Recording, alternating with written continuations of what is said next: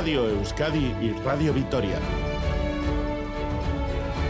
Servicios informativos.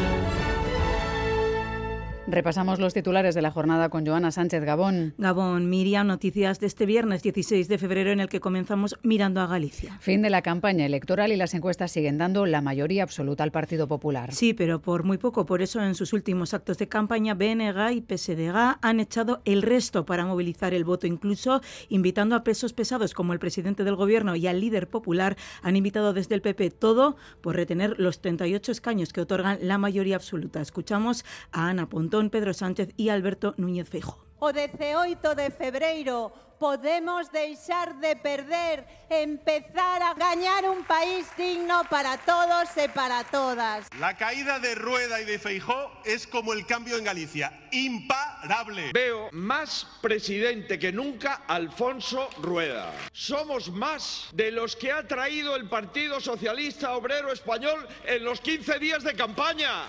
Aquí en casa, último pleno de control de la legislatura marcado por los reproches de la oposición. El Endacari ha presentado balance de la legislatura y ha respondido a las críticas de la oposición Nerea Cortajarena y Ñigo Urcullo. En todo caso, la siguiente legislatura tiene que ser clave para establecer otro tipo de relación con el Estado, una relación entre iguales. Ustedes reparten los carnets de con quién sí o con quién no se puede gobernar, como antes apoyaban una estrategia de violencia que dictaba quién sobraba y quién no. El Endacari, que no ha anunciado fecha de elecciones, pero sí un encuentro el lunes con los representantes del Gobierno de coalición, Antonio Ortuzar de PNV y Eneco Andueza de PSE. En Navarra continúan las movilizaciones de los agricultores tras una reunión que ha acercado posturas. Decenas de agricultores han decidido continuar con las protestas e intentan acceder a esta hora a Pamplona. Los sindicatos echan en falta concreción en el documento con 49 medidas presentado por el Ejecutivo de Chivite. Aún así, los sindicatos hablan de punto de partida. El lunes, nueva reunión para consensuar un documento que elevarán al Ministerio de Agricultura.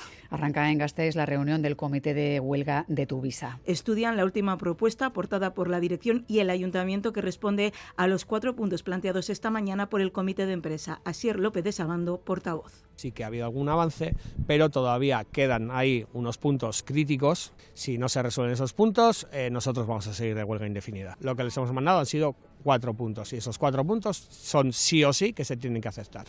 Si la propuesta recibe el visto bueno, después deberá ser ratificada por la plantilla. De ser así, llegaría el fin del conflicto y de la huelga indefinida en los autobuses urbanos de Vitoria-Gasteiz, que mañana cumple una semana. Concentración mañana a las 12 en Donostia en repulsa por dos agresiones sexuales. Un hombre de 49 años ha sido detenido por agresión sexual a un menor, corrupción de menores y grooming. Al parecer, contactaron a través de Internet y en un momento determinado el hombre condujo al menor a su domicilio, donde habría abusado sexualmente de él. La investigación continúa abierta buscan a otras posibles víctimas. Además, en libertad, en libertad los seis presuntos implicados en la agresión sexual, robo y detención contra su voluntad de una mujer. Cinco de ellos han quedado en libertad, pero con cargos. Y continúa abierta también la investigación para determinar las causas de la muerte de una mujer aparecida en el río Arga. La policía cree que se trataría de Gabriela Reyes, de 35 años, desaparecida el pasado 7 de diciembre en el barrio San Jorge de Pamplona. El cuerpo ha sido hallado por un vecino esta mañana flotando en el río Arga a su paso por el polígono Landaven. Tras el rescate,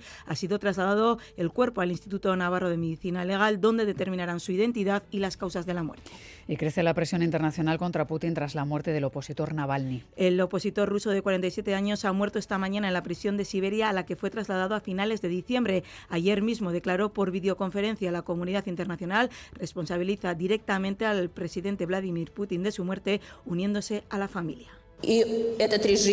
Este régimen y Vladimir Putin deben ser considerados personalmente responsables de todas las atrocidades que han infligido a mi país, a nuestro país, Rusia, a lo largo de los últimos años y desde el Kremlin consideran inadmisibles las acusaciones de los líderes occidentales y piden esperar a los informes forenses. Ciudades de todo el mundo están siendo escenario de concentraciones contra el gobierno ruso. Es todo, más noticias en una hora y en todo momento en itv.eus y en la aplicación ITV Albisteac. Geruarte.